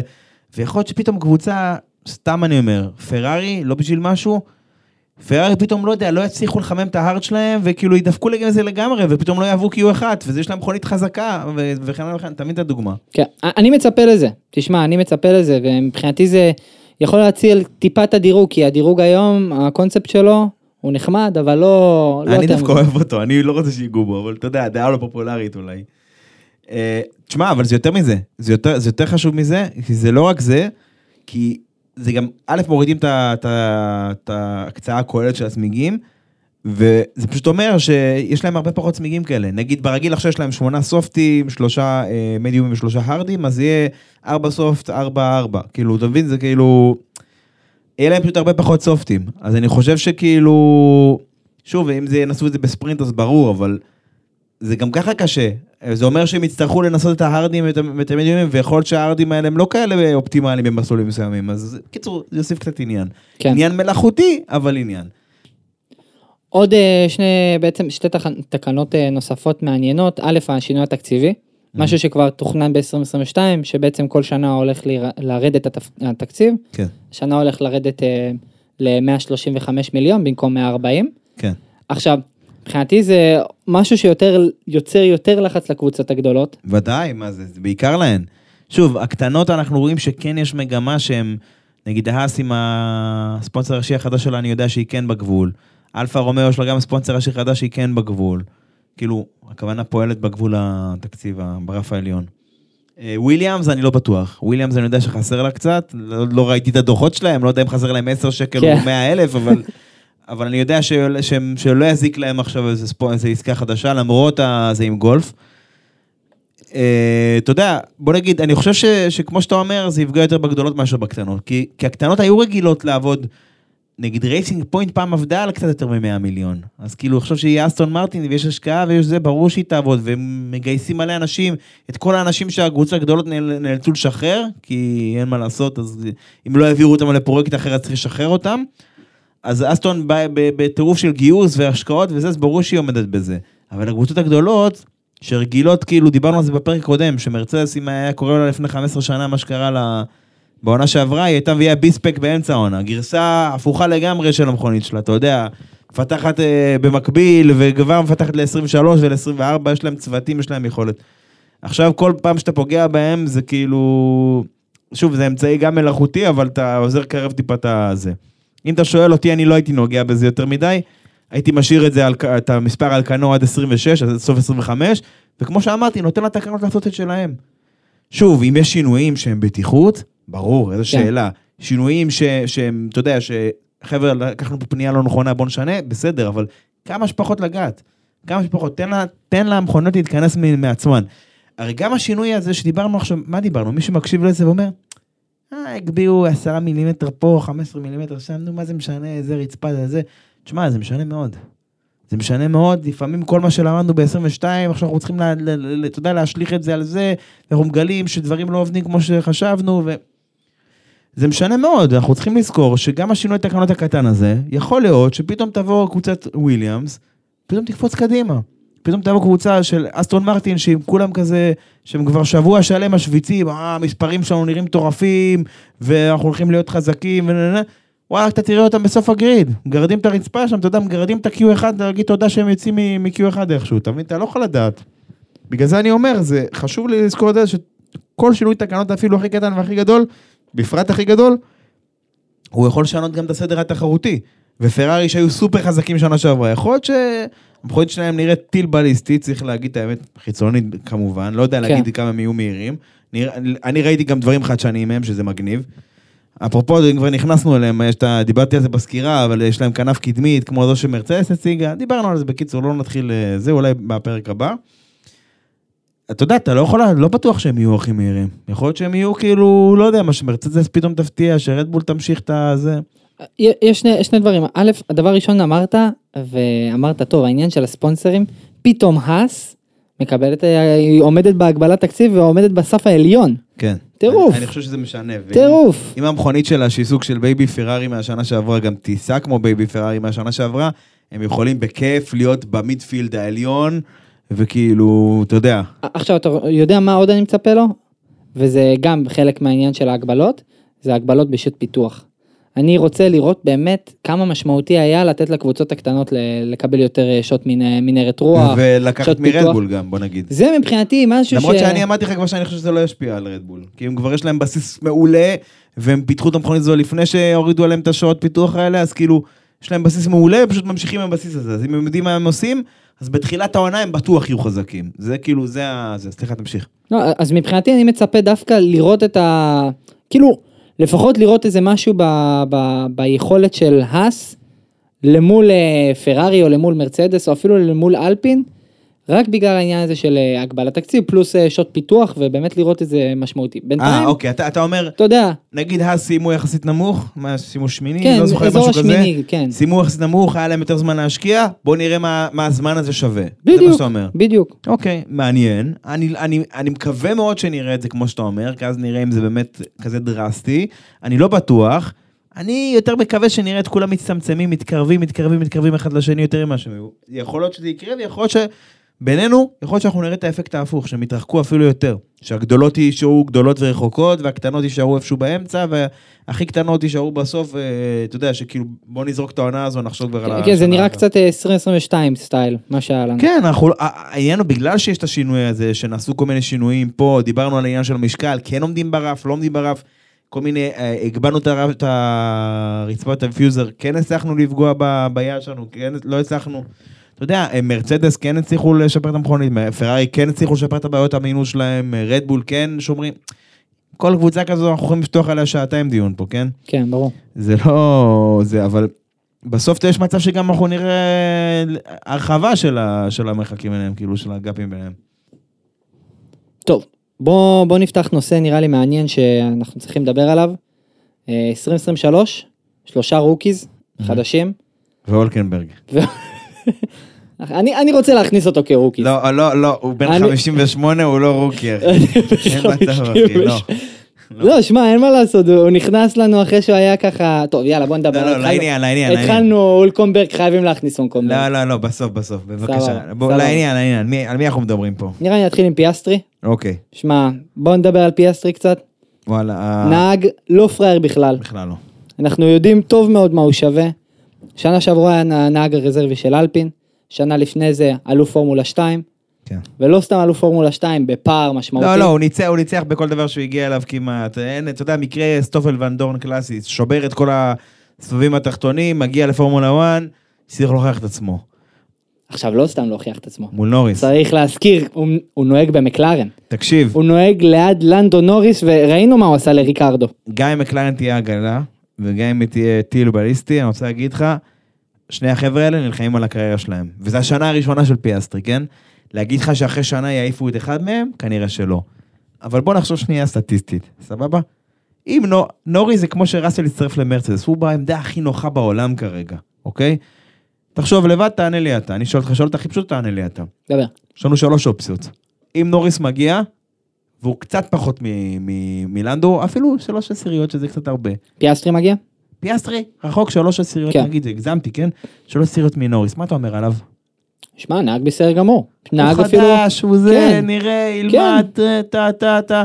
אם בסוף העונה הוא גם כזה, אה, כוכבית, איכשהו. אם הוא משתווה לו, שמע, בלאגן. מטורף, בלאגן, נכון? בלאגן. איזה נהג, איזה זה. אם הוא עוקף. אותו, לא, זה כבר... אה, זה, זה מכניס את לנדו לעמ- לעמדה לא נוחה. בדיוק. זה שאני, למה, זה למה אמרתי שזו עונה חשובה עבורם. לנדו חתם ל-100 שנה במקלרן, משהו שלא עושים. כן. וכאילו, אתה יודע, בטח לא שאתה אומר, וואלה, 25, 24, התחילו להתפנות כיסאות, אולי פרז אחוז, אולי, אולי המילטון החלט שנמאס לו, דברים קצת יכולים בזה, מה, כאילו, מה ההתחייבות למקלרן? אה, לא, לא שאני ולא- מבקר אותו, בסדר, לא, בוא נדבר על מקלרן בכלל, שלא נמצאת בעמדה טובה. לא, היא, היא כן עשתה איזה צעד יפה מ-19, 20, 21, טיפסה, טיפסה, 22, לא, לא כל כך אה, עשתה שיעורי בית נכון, פתחה את התקנות לא טוב. וגם לא בכיוון. ו- ואני אגיד לך לא יותר מזה, בכיוון. אני אגיד לך יותר מזה, אני יודע שאי אפשר לשפוט על פי זה, אבל אה, איך אומרים, יש vibe בחיים, נכון? אתה, אתה לא יכול לדעת מה המספרים שלהם וכמה מהירים יהיו, אבל יש vibe בחיים. ו- ואחרי ההשקה, איך שמקלרנו מדברים, הם כאילו באים כזה באופטימיות זהירה כזה, "אה, נראה מה יהיה, טוב, יהיה בסדר, כזה, אתה יודע. הם גם אמרו שכבר הולכים להביא עדכון ראשון לבקו. בקו זה מרוץ רביעי או חמישי לעונה, אני כבר לא זוכר, כאילו, כבר מעכשיו אתם מודיעים על זה? זה, זה לא מרגיש לך כמו כזה פלסטר? כאילו, תראה, אנחנו יודעים שהמכונית שלנו לא טובה, אבל העדכון מגיע, העדכון בדרך, אתה יודע, אתה מכיר את ה- את הרעוש? כן, כן, כן, זה לא מרגיש לך טיפ-טיפה? מרגיש שהם סקפטיים לגבי הדרך שלהם. בדיוק. אתה מסכים, לא, אתה מבין מה אני אומר לגבי חד העדכון? משמעית, חד משמעית. כאילו, אוקיי, אתה מגיע מהעולמות האלה יותר. כשאתה עכשיו מוציא איזשהו מוצר, אה, כלשהו, אני גם מגיע מעולמות המוצר, פשוט המוצר יותר פיזי, אבל אתה מהעולמות שלך. אם לא היית בטוח בגרסה שלך, מה היית אומר? בוא נוציא, נראה מה משתמשים בזה, וה, ואם, אתה יודע, יהיה לנו הרבה ריג'קטים, אז נגיד שהצוות שלנו עובד על תיקונים ובאג פיקסס, וגרסה 2 שלנו תהיה מטורפת, נכון? נכון. אם היית בא בגישה שלהם הכוונה, לא שאני אומר שאתה עושה את זה ברמה אישית. חד משמעית, ולא לא הייתי מראש אומר, אה, גרסה 2 תהיה יותר טובה. זהו, אז כאילו, הם לא הבטיחו שגרסה 2 יותר טובה, אבל הם אמרו כאילו, אתה יודע, הם כבר אמרו, אנחנו הולכים להביא גרסה מטורפת. למה? מה, איפה הייתם כל החורף? מה קורה עכשיו? שוב, אנחנו אומרים את זה בידיעה שיכול להיות שנגיע לבחריין והם יהיו חזקים דווקא, אי אפשר לדעת. אני, מצפ... אני מאוד מקווה בשבילם, אבל אתה יודע, מרושם ראשוני זה לא נראה ככה. בוא נגיד, בהשוואה, מרצדס כבר, שאתה יודע שהם, אה, דיבר, דיברנו 20 אלף פעם על זה שהם נשארו עם ה zero pods, אבל הקונספט טיפה יותר רחבים, הם כבר אמרו, תשמע, אנחנו הולכים לעדכן את הדבר הזה, כאילו, בלי סוף, ואתה אומר לעצמך, יש מצב שהם מגיעים כבר בטסט לבחריין עם משהו חייזרי לשם, כן? זה... פי ספק של עצמם. הם באו, בדיוק, הם באו כאילו, הם באו, הם business, אחי, אתה מבין? הם עומדים בר- ברף, הורידו את כל הצבע שהם יכולים, הם כאילו, לא, לא פה בשביל לשחק, מה שנקרא. זה גישה של ווינרים. עוד משהו על פיאסטרי, אני חושב שדווקא באלפין הוא יכל יותר להצליח. כן? כן, למה? חד, חד משמעית, כי פ... בוא נדבר על אלפין. למרות העונה מאוד פושרת שלהם, אחי, היה להם פיתוח אדיר. אבל קבוצת יצרן, פיתוח, פיתוח רגיל, אדיר, אדיר, אדיר. האלפין ש... שהתחילו איתה והאלפין שסיימו איתה זה לא אותה מכונית. מה שהעקב אכילס שלהם, מה שאני מקווה בשבילם שהם יפתרו זה נטו אמינות. בלי האמינות, דיברנו על זה בפרק שעבר, בלי נכון. האמינות, אין פה קרב על הרביעי ביצרנים ואין פה בטיח, אין פה נעליים. הם היו סוגרים את ה... את הרביעי ביצרנים ו- ומקלרן היו מסתכלים עליהם ממשקפת. אתה מבין? זה, זה לא... אין פה בכלל, זה נטו אמינות. זרקו נקודות, אה, מאות נקודות לפח. ובואו נדבר גם על ההרכב עצמו. אם אנחנו מדברים על, על, על פיאסטרי באלפין, עם אוקון? מה זה אוקון אם הוא בשביל הוא פיאסטרי? אם הוא היה מנצח את אוקון, הוא פשוט היה גומר את אוקון. שנה אחרי זה היו מביאים את... אה, איך- קוראים לו? את גזלי לזה. לא, לא, לא גזלי. יש את ההוא, הבחור שלהם הוא רזרבי האוסטרלי. הב- הבחור, הבן של של הרוכב אופנועים לשעבר, שכחתי את השם שלו. ג'ק דוהאן. היו מביאים את ג'ק דוהאן שנה אחרי זה ב-24. קיצור, שנינו מסכימים שכנראה ההרכב במקלרן הוא יופי של הרכב, הרכב הכי צעיר שיש, חבר'ה חזקים, חדים, אבל uh, הבחור שמה שנקרא, שיתעלה שם, שיהיה ה alpha male, הוא גם זה שישרוד. כי נוריס, אתה יודע, הוא... חבר'ה מחזיקים ממנו נהג כישרוני, ורד בול שמה עליו עין לא אחת, והוא תמיד כזה, השם שלו נקשר במקום הזה, בתור כנראה איזשהו מחליף אפשרי של פרז, וכל מיני דברים כאלה. כן, דיברנו גם הרבה פעמים על הקטע הזה של אה, מי הנהגים הטובים ב grid, ואמרנו בוא שהוא... נגיד, אם אני אומר בנשימה אחת, יכול להיות שתתווכחו איתי וזה בסדר. אם אני אומר המילטון, סבבה. ורסטאפן, סבבה. לקלר, אני כן רוצה להכניס אותו לרשימה הזאת. ראסל מתחיל כבר להיות באזור הזה. כן. נוריס עוד לא, מבחינתי. הוא נהג אולטרה כישרוני, שאף אחד לא יחשוב אחרת, אוקיי? אבל, והוא הראה לנו שיש לו את זה בהרבה מקרים, אבל דעת הקהל לגביו, לא שזה כזה משנה, אתה יודע מה, בספורט הזה זה דעת הקהל היא הכי משנה עליך. כמו שאומרים, אתה טוב כמו המרוץ האחרון שלך. אה, אתה, אתה צריך להראות משהו שאתה, שאתה שייך לליגה של הגדולים. ואת זה יש לו הזדמנות להראות עכשיו. אם הוא ישמיד את פיאסטרי, שפיאסטרי נהג מוערך, ואנחנו יודעים כמה shit משפטי מקלרן ואלפין, כל אלה העבירו את כולנו בשביל להביא אותו למקלרן, כמה בלאגן זאק בראון עשה בשביל זה, אז כאילו, אתה יודע, זה make or break כזה. לא make or break כאילו שיקרה משהו רע, אלא בקטע של, שמתם את כל הז'יטונים שלכם על פיאסטרי, זה צריך כאילו, אתה יודע, הוא צריך לתפקד על השנייה הראשונה. אה, בוא נדבר על עוד אה, rookies מעניין. כדאי, כן. מבחינתי זה ניק דה וריז. אוקיי, הרוקי, נקרא לזה הרוקי המנוסה. הרוקי, אהבתי את הרוקי המנוזה. כי הוא לא באמת רוקי, הוא אלוף פורמולה 2, אלוף פורמולה E, הוא נהג שנה, עונה שעברה ככה בכל המכונות בגריד שיש להם אה, סמל של מרצדס עליהם פחות או יותר, לא סמל, סליחה, אלא מנוע של מרצדס. שוב, לא, לא, פורמולאי גם אה, מרצדס. נכון, בפורמולה E מרצדס. שוב, אה, רוקי מנוסה, לא סתם אני אומר את זה. נכון, הוא נהג מעט מאוד בדור הנוכ- הנוכחי של המכוניות, והוא גם הולך לאלפה טאורי, שזו קבוצה שאנחנו... אנחנו לא יודעים כל כך איפה הם יהיו. מה זה לא יודעים, גם אחרי העונה שעברה. העונה שעברה לא הייתה מוצלחת עבורם. אני חושב שבלשון המעטה אפילו. לא, לא, זה היה באמת בדיחה לקבוצת אה, בת של רדבול. בוא, בוא, בוא, בוא נשאל את זה אחרת. אנחנו לא, אנחנו לא Drive to Survive פה, אבל בוא, בוא כן נגיד את זה. אני אשאל אותך שאלה פשוטה. צונודה, שנה שלישית שלו באלפא טאורי, אם אני מחשב נכון, אוקיי? ניק דבריז, שנה ראשונה שלו. אם דבריז מביס את צונודה, צונודה נשאר ב-24, כן או לא? לא, חד משמעית לא. יפה. בוא, בוא יותר מזה, ניק דה וריז הראה לנו מה זה באסטון. הראה לנו מה זה באסטון, ראית אותו במונזה? בוויליאמס, בוויליאמס. עם כן. וויליאמס, סליחה. נכנס במונזה, בלי הוא- כלום. דרך אגב, הוא היה גם- הוא היה גם באסטון באותה סופה, אתה לא זוכר נכון, כי היינו שם, היינו שם. אבל ביום שישי הוא נהג באסטון, נכון, ביום שבת צו שמונה. לוויליאמס, כן. אז אני, שמע, איזה ביצועים. כאילו, אתה אומר, אז סבבה, אלפה טאורי לא בשיא שלה, אבל אה, פה ושם לגנוב ניקוד, בוודאות. בוודאות. אני, אה, אני אומר לך, ב- גם כנהג, וגם כ, כ, כ, כאילו, בסוף, כדי להוציא ניקוד, צריך בסוף אה, לחבר את הש- שני דברים. רכב בזמן הנכון ונהג נכון. אה, הוא, בוא נגיד שדבריז הוא, הוא, הוא ההוכחה החיה לזה שבחיים צריך תזמון וזה תזמון נכון. להיות במקום בזמן הנכון. אנחנו מדברים על אה, תזמון, אתה חייב להגיד את אה, אלול קומברג, מה זה? אתה- אה, אולקנברג אחי, אני רוצה להגיד לך שהוא, אתה יודע, זה, זה כאילו אולקנברג הוא היה כל כך הרבה פעמים בשנים האחרונות על הסף הלחזור, שזה כבר, אם הוא לא היה חוזר עכשיו זה כבר לא היה קורה, מה שנקרא. אה, תשמע, אני כן, כן רציתי ששנייה נסגור את העניין של דה וריז, אני כן חושב שבמקרה של דה וריז וצונודה, שניהם נלחמים על החיים שלהם. אמנם זו העונה הראשונה של דה וריז והעונה השלישית צונודה, אבל צונודה דיברנו על זה, הוא חמוד, הוא סבבה, הכל טוב. אבל הוא צריך להתחיל להוביל את הקבוצה, להראות שיש לו קצת מעבר ל- לילד החביב שהוא, אתה מבין? לא, אני לא מאמין בצונודה בכלל, שתדע. אני נכנס בו הייתי בטוח לגמרי. שאתה מעריץ שלו, לא, נכנס יש לך בו פוסטרים לגמרי. שלו בחדר. אתה, אתה רואה, אתה אצלי בחדר אין שום פוסטר. לא, זה- לא, יש- יש מכונית אחרת, אבל לא משנה.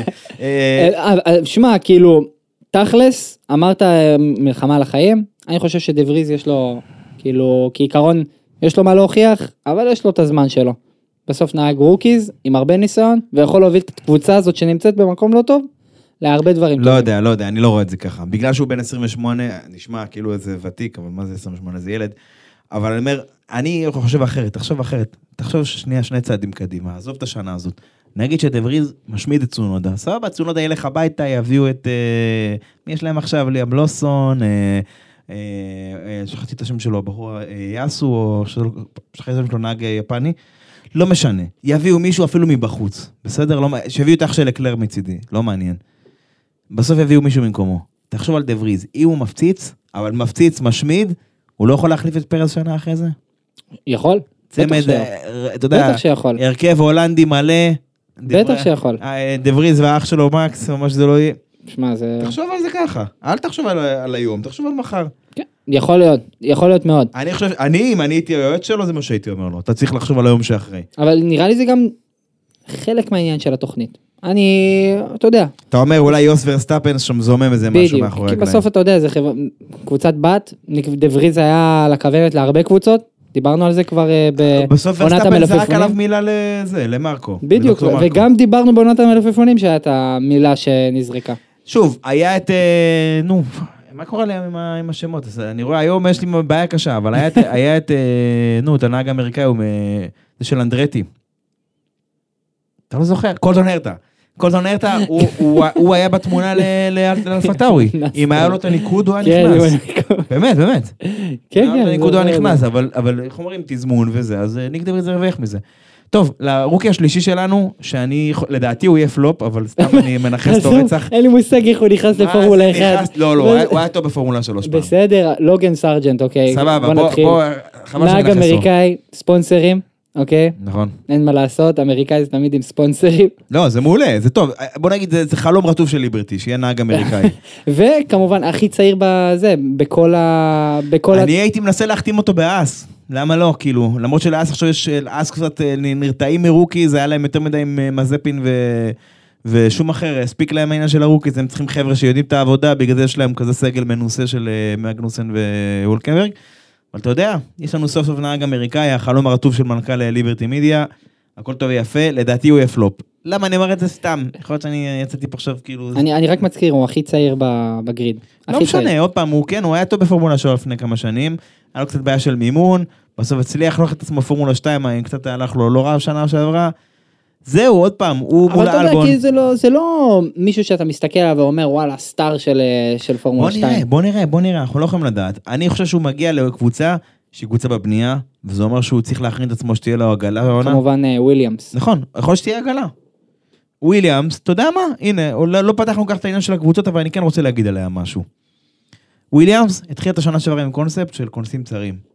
לא הלך. זה לא עבד, אוקיי? באיז- באיזשהו שלב בסילברסטון הביאה בדיוק עדכון אחד, עדכון הזה הוא קצת יותר דומה למה שהולך ברד בול. סיימה את העונה אה, בתחתית, קצת יותר טוב, אבל בתחתית, עדיין. השנה היא הציגה לנו מכונית, ממה שראינו, הרבה יותר מזכירה את מה שקורה ברד, אה, באלפין, הרבה יותר, משהו, הלכו על קונספט, אתה יודע, לקחו השראה. השראה, הלכו, הקטינו את הקונספט שלהם. כן. וזה אומר עליהם הרבה, זה אומר שהם צריכים ללמוד את הדבר הזה, כי הם לא יתחרו עם זה שנה שבע, שנה שלמה. על פרארי, אני יכול להגיד, הם התחרו שנה שלמה עם קונספט מסוים, ועכשיו הם באו וחידדו אותו. הם שמרו על הבסיס שלהם, הם מאמינים בבסיס שלהם, כנ"ל מרצדס דרך אגב. כן. אז הם, יש להם את השיעורי בית שלהם, הם יודעים פחות או יותר למה לצפות, יכול להיות שיהיו להם הפתעות, אבל יש להם למה לצפות. וויליאמס, הם באים לזה כאילו כמו, כמעט כמו עיוורים. אסטון מרטין, גם עשו את אותו כיוון, הלכו עם משהו, כיוון מסוים, שינו בספרד למשהו שיותר דומה לרדבול, עשו אותו עד סוף העונה, למדו אותו טוב, למדו אותו מעולה אפילו. הגיעו. כמעט אפילו ניצחו את אלפה טאורי, אני חושב, בשישי או חמישי ליצרנים. כן, הם אה, ניצחו את אלפה טאורי. לא, אני חושב שהם פספסו את זה על קוצו של אה, יוד. אלפה. טאורי אה, מקום אה, נראה לי אחד לפני אני לא. זוכר איזה קבוצה, אבל הם פספסו את זה על השפיץ. אה, מולס. מולס. אולי. לא, לא, לא, אני חושב על אלפה טאורי. לא משנה. השורה התחתונה היא, הם למדו הרבה על הקונספט הזה, ועכשיו הם השחיזו אותו בדומה ל- לוויליאמס האמת, אבל יש, כי יש להם את הבסיס. לוויליאם יש הרבה יותר מה להוכיח מאשר לאס, אתה מבין? כן. לאסטון מרטין. סליחה. בדיוק מהסיבה הזאת. כי עכשיו הם העתיקו במרכאות משהו, הם לא באמת העתיקו, אבל תבין את הרעיון, ועכשיו הם צריכים לדעת מה הם עשו פה. אסטון מגיעים איזשהו ידע, והם צריכים לבנות על הידע הזה. אני חושב שבאותה מידה יכול להיות שוויליאמס כאילו יהיו קבוצה כאילו עגלה, וסרג'נט צריך להבין את זה. והוא מגיע לקבוצה שיש שם את אלבון, שהוא כבר מנוסה ומוביל את הקבוצה, והכל כאילו סביבו. זה... ואלבון מבין שהוא כאילו קיבל את הצ'אנס של החיים שלו עם החזרה של וויליאמס, והוא יכול לבנות את עצמו מחדש, אתה מבין? אה, שמע, כאילו אלבום כבר, אה, הוא חייב לבנות את עצמו מחדש. לא, זה אבל אתה, אתה מבין את זה הרעיון. אפילו לא שאלה. אבל את האמת, אה, אם אנחנו מדברים על פלופים, השאלה אם לוגן סרג'נט זה הגוטיפי החדש. לא, לא יודע, אה, בוא נראה, נראה. בוא נראה כמה פעמים הוא ירסק את האוטו בבחריין. בבחריין אתה מ... לא, אני צוחק. לא, אתה אומר שיהיה מחליף ראוי, שיחליף את... אה, חייבים, מה שיחליף זה? אה, טוב, הדבר האחרון שנראה לי אנחנו רוצים לדבר עליו זה נושא של אה, עונת הכיסאות המוזיקליים של המנהלים. אה, אוקיי, אוקיי, כן. זה באמת, זה יום אחד בפגרה, ממשהו שאמור להיות טוב, נגמר המונדיאל, נגמר כל הדברים שמעבר לפורמולה, נגמר, התחילו כל הכתבות המשעממות, של בוא נשחזר כאילו כתבות מאבו דאבי, בוא נשחזר רעיונות של בינוטו, כל הדברים האלה. ואז פשוט, אתה יודע, ביום אחד, כאילו הכל נפל, כאילו כולם חיכו ליום אחד ופיצצו אותנו באיזה עשר אלף אה, זה, ההוא זה לשם, ההוא זה לשם, כאילו דברים שידענו עליהם, כאילו, אתה יודע, ידענו שפרד וסר הוא בכיוון של פרארי, או, או יכול להיות בכיוון של פרארי, דברים כאלה. פתחת כבר פרארי, בוא, בוא נדבר קודם על העזיבה של בינוטו. לפני שאנחנו... סבבה, לא, לא, אז אני אומר, בינוטו, באבו דאבי היה מלא רעש על זה שהי, הולכים להעיף אותו וזה, והוא כזה, פרארי מהר הוציאו ציוץ, הכל טוב, הוא איתנו, נה נה נה, בינוטו אמר, אה, הכל שטויות, וזהו, אה, זה, ואז, ואז כאילו, אתה יודע, נגמר העונה, נהיה השקט הזה, כמו שאמרנו, היה את המונדיאל, המונדיאל נגמר, נהיה שקט, התחילו השמועות, התחילו הרכשים, התחילו הבלאגנים. וכמו שאמרנו, פרד וסר, אמרו שהוא יהיה המנהל אולי, יכול להיות, ראו, שמעו, אה, לא יודע מה, נחששו. ועוד פתאום בבוקר אחד, פאק פרד וסר בפרארי. אמרנו, טוב, מטורף, פצצה של החיים, פרארי מחליפים מנהל שנייה לפני תחילת העונה, זה בטח מטורף בשבילם וזה. לא עובר, אתה יודע, לא עוברות כמה דקות, והופ, אה, ואני חושב שזה וויליאמס שהודיעו שהם שחררו את, את המנהל שלהם, את המנהל הטכני שלהם. ולא, ואתה יודע, ומיד שעה, לא עוברת שעה קלה, ו... ואנדריאס סיידל, שבעצם המנהל של מקלרן, פשוט שחררו אותו להיות המנכ"ל של, אתה יודע, הוא קיבל רוחת קידום של סאובר, שהולך להוביל פחות או יותר את כל הפעילות של אאודי. ואתה יודע, וזה כאילו כל זה באותו יום, כן? ואחרי אחרי שעברנו את כל הטלטלה הזו, ו- ומיד הכריזו על אנדריאה סטלה בתור המנהל קבוצה החדש של מקלרן. מה שהגיע אחרי זה זה מה שמעניין. דוגרי, אלפה רומאו מינו מישהו שהוא הנציג, השגריר, אה, בפועל מנהל קבוצה, בוא נגיד את האמת. בוא תהיה מנהל קבוצה בזמן שסיידל בונה את האודי, את הקבוצת היצרן של האודי, זה התכלס. מנהל, גם ככה תעשה את כל השוטף, ו... וסיידל יעשה את מה שצריך בשביל לבנות את הקבוצה הזו, אתה יודע, לקבוצת על. אבל המינוי האחרון, בתואר שבשבילי הוא גם הכי מעניין, זה המנהל החדש של וויליאמס, שזה ג'יימס ואולס, שהוא היה אה, מנהל האסטרטגיה של מרצדס. שזה מעניין, הוא קודם כל, למה זה מעניין? הוא מתורגל, הוא סוג של, היה סוג של יד ימינו של טוטו. הוא מתורגל טוב מאוד בתרבות הארגונית של מרצדס, שהיא תרבות שמה שנקרא אה, no blame culture, דיברנו עליה עשרות פעמים פה, שלא מחפשים אשמים, בניגוד לחברים שלהם אה, מאיטליה. אמ, אתה יודע, יש איזושהי בעיה, מתחקרים אותה, מנסים להבין מאיפה היא נובעת, אה, מנסים להבין מה גרם לה, מתחקרים להמשך, ואז הבעיה הזאת לא חוזרת, כי הם עשו את התחקור שלהם. אז ברור שמגיע מהתרבות הארגונית של מרצדס, שהיה מנהל מחלקת האסטרטגיה, אז אתה יודע, קבלת החלטות בזמן אמת ותחת לחץ, זה לא משהו שזר לו, אוקיי? שהיה בטופ של הארגון הזה, שארגון ש... להזכיר לך, זכה בשמונה אליפויות יצרנים רצופות. וג'יימס ואלס היה ברובם. היה בכולן. בכולם, אני לא בטוח הוא- על כולם, הוא- אבל הוא היה... ב- בכולן, הוא מהקבוצה הזאת שהייתה אה, אה, עם, עם, עם זה של Lucky Strike, שהייתה British American Racing, שהייתה קבוצת יצרן של הונדה, הוא איתם 20 שנה בערך. הרבה לפני שהם נהיו מרצדס, בוא נגיד ככה. אני חושב שזה שיחוק מפחיד של וויליאמס. כן. או שזה הולך להיות שיחוק מטורף שלהם, שמישהו שייקח אותם קדימה, או שהוא יתברר כפלופ, כי דוגרי, דיברנו עליו בתחילת הפרק, פאדי לואו, שהיה מנהל טכני של מרצדס, עבר לוויליאמס, וכאילו המכונית שלהם איחרה ל winter testing, זאת אומרת, זה לא, לא ערובה להצלחה. אבל אתה יודע, בן אדם כמוהו, יש כאלה שאמרו, תשמע, אולי זה סוג של הכנה, שהוא יחליף את טוטו עוד כמה שנים, שיצבור קצת קילומטראז', ניסיון וזה, לך תדע, כן? בעולמות כן, האלה לדעת. הכל יכול להיות. אבל לדעתי, זה יכול להתברר כשיחוק מעולה של וויליאמס. שוב, זה לא משהו שאנחנו נראה על ההתחלה, אתה מבין? כן. כי כבר את המכונית כבר פיתחו, דיברנו על זה. היא ברור. כבר עכשיו מכונית, היא הולכת ל- להתחרות, הבסיס שלה הוא הבסיס שלה. והוא לא איש פיתוח, אבל הוא המנהל, הוא צריך לדעת להוביל את הדברים לכיוון הנכון, אוקיי? אני חושב שנכון יהיה לשפוט אותו בשני מועדים. בואו נסתכל עליו בחצי העונה, זאת אומרת בפגרה, בואו נסתכל עליו בסוף העונה. אנחנו לא יכולים לדעת איך הוויליאמס תהיה, יכול להיות שתהיה עגלה, והם יחליטו בשלב מאוד מוקדם של העונה, אנחנו ב-20, הראש שלנו ב-24, ולא מעניין ולא זה. אבל בוא נראה איך זה, איך אתה יודע, לאן זה מוביל אותם. ובוא נראה אם זה ישפיע על ההתנהלות שלהם, בוא נראה אם זה ישפיע על המקצועיות שלהם, של הדברים שהם כן יכולים לעשות עכשיו. אני רוצה גם להוסיף עוד כמה דברים, העניין של אה, ג'יימס ואלס, הוא מגיע מקבוצה ענקית, כן. ממרצדס, מגיע לקבוצה של וויליאמס, שהיא קבוצה בת, אבל בשום צורה לא באותם גדלים. בכלל לא, לא. ו... וגם היא שכחה מה זה להצליח, קבוצה שכבר עשר שנים לא... זה. ועל זה בדיוק אני רוצה לדבר, העניין הזה שג'יימס ואלס מגיע בדיוק למקום הזה שהוא צריך להביא את הקבוצה לניצחונות, אתה יודע, קטנים לפחות, אבל לניצחונות, אמרת את זה יפה, ניצחונות קטנים. ו- ואני חושב שיש לו את הכלים, זה לא שאין לו את הכלים. לא, ו- זה, לא זה, זה מה שאנחנו לא יודעים, זה מה שמעניין. כי באותה מידה, דורילטון, שהם הבעלים דה פקטו של וויליאמס, הם שחררו את המנהל ואת המנהל הטכני. בסדר, התפטרו, נכון, זה, זה ניסוח יפה לעיתונות, אבל בסוף הם שחררו אותם. אני לא יודע אם זה אומר שהם התפטרו כי הם אמרו, תשמע, הם לא מוכנים להשקיע פה מספיק כסף, או שזה הם אמרו, חבר'ה, היה לכם את השנתיים שלכם, נכון, אתם יש לכם, זה שניהם שיש להם ניסיון מ- מ- מפולקסווגן. אתם חבר'ה מאוד מנוסים, לא סיפקתם את הסחורה, הביתה. אתה מבין מה אני אומר? כן. אז אנחנו לא יכולים לדעת, יכול להיות שהבעלים החדש הביא את הג'יימס הזה, וכאילו עכשיו הולך לתת לו את כל הכלים שהוא צריך, ויכול להיות שלא. הוא צריך לעבוד עם מה שיש לו, זה ההבדל. כן? זה, זה, זה, יהיה מאוד מעניין, מאוד מאוד מאוד מעניין. טוב, אחד הדברים גם, כמובן, מבחינתי, אם אנחנו מדברים על אה, עוד מישהו שאני רוצה לראות, זה פרד, כמובן, פרד וסר. כן. כי מבחינתי, אם אנחנו מדברים על, על פרארי, ודיברנו על כמה גרוע, אחד הדברים, נקרא לזה, האלמנט העיקרי שהיה חסר להם עונה שעברה, זה אסטרטגיה נכונה, כן. ובסוף, בסוף, בסוף, אה, לקחת החלטה ולקחת אותה עד הסוף. נכון. אני חושב ו- שהם היו צריכים לגבות את לקלר כנהג המוביל בשלב הרבה יותר מוקדם של העונה. אה, שמע, אני לא מכיר בסוף את פרד וסר, אין לי בסוף איזושהי היסטוריה או הבנה אם הוא הצליח, לא הצליח, אבל הוא נכנס כאן לעמדת לחץ רצינית. תקשיב, א', כן, סיר לחץ. אבל מטורף. סיר לחץ, אתה יודע, משוגע. ועוד שני נהגים ששניהם רוצים להתחרות על המקום הראשון. ולא, והם עוד ביחסים טובים ביניהם בינתיים, בוא נגיד את זה. כן, כן. אנחנו רוצה- לא יודעים מה יקרה אני רק בעונת רוצה הבאה. להדגיש, אם לא הבנתם את זה ממה שאמרנו מתחילת הפרק, המכונית הזאת, ה-SF23 החדשה של פרארי, כל דבר, כל הצלחה וכל כישלון שהיא תרשום בתחילת העונה, זה רשום על שמו של בינוטו. כי בינוטו הוא זה שהוביל את הפיתוח שלה.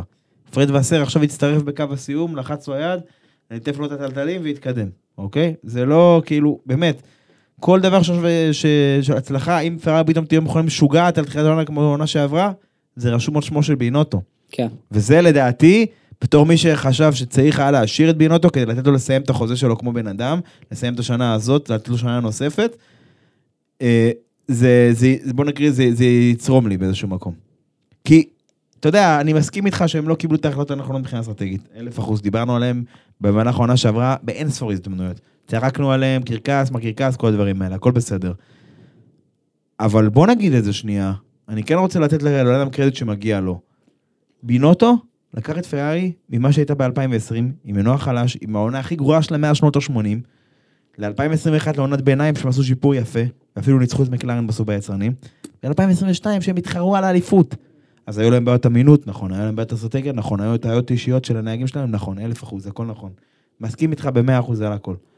אבל הוא גרר אותם חזרה למעלה. כן, אני מסכים, אני... בסוף ההצלחה של בינוטו היא ענקית, אבל אני חושב שאחד הדברים שהם בסוף הוא חתום עליהם, זה הכישלון בניהול. לא, בסדר. ורק בניהול, אני מדבר רק על האסטרטגיה. בסדר, אנחנו כי גם המכונית דיברנו על שלהם זה. טובה. אנחנו דיברנו על זה המכונית- אנחנו המכונית דיברנו על זה שהמכונית של שנה שעברה ניצחה כולה ארבע מרוצים. וזה ו- מכונית ומה שהייתה צריכה... הפוטנציאל? הרבה יותר. ברור. היא הייתה צריכה לנצח בספרד, הייתה צריכה לנצח במונקו. לבד, אתה מבין? עכשיו זרקתי, שת... זה כבר שש ניצחונות. ואני נכון. אומר לך שהיא יכולה לנצח גם עשר, אוקיי? זה לא... בלי עם אמינות, זה נטו על החלטות, אוקיי? היא יכולה לנצח גם עשר, זה לא... זה, זה מכונית שיכולה לעשות הרבה יותר ממה שהיא. אולי זה הכישרון הכי גדול שלו, אולי זה מה שאני ואתה, מה, חס... מה שחסר לנו בידע האישי שלנו, שאנחנו לא רואים, אה, נקרא לזה, מנקודת המבט שלנו, שבארגון הגדול שרואים דבר כזה, זה כישרון קטסטרופלי ותשחרר את הבן אדם ולא מעניין אותי. אבל אני אומר, אני כן רוצה לזקוף לזכותו את הדרך שהוא, שהוא עשה עם פרארי מ-2019, יותר נכון, מ-2020, כאילו מהנפילה הגדולה שהייתה להם, ועד ל-22. אז בסדר, הכל התפרק נכון, אבל אני כן רוצה לזקוף את זה לזכותו. כי אני חושב שזה נכון לעשות את זה, כן. פרק פרידה מבינוטו. מבין אותו. וגם למי ששם לב, גם היה בפתיח שלנו. כן, כן. ל- לזכר... לא, לא, לא, הוא בחיים, הוא בחיים. אה, טוב, אני חושב שזו נקודה טובה לסיים בה. אז באמת, אה, אם אם נשארתם איתנו עד כאן, אז תדעו שאנחנו באמת זמינים בספוטיפיי, באפל מיוזיק, באפל פודקאסט, סליחה, בגוגל פודקאסט, ביוטיוב, טוסטרים, כל הפלטפורמות, מה שתרצו. וכמובן בקבוצת פייסבוק שלנו, אה, פורמולה 1 בעברית. אז אה, תבואו, דברו איתנו, כאילו תגיבו גם... אה, מוזמנים גם לכתוב אם אהבתם את הפרק, לא אהבתם את הפרק, מתכוננים לעונה החדשה של 2023 איתנו. כן. וזהו, עד לפעם הבאה. יאללה ביי. יאללה ביי.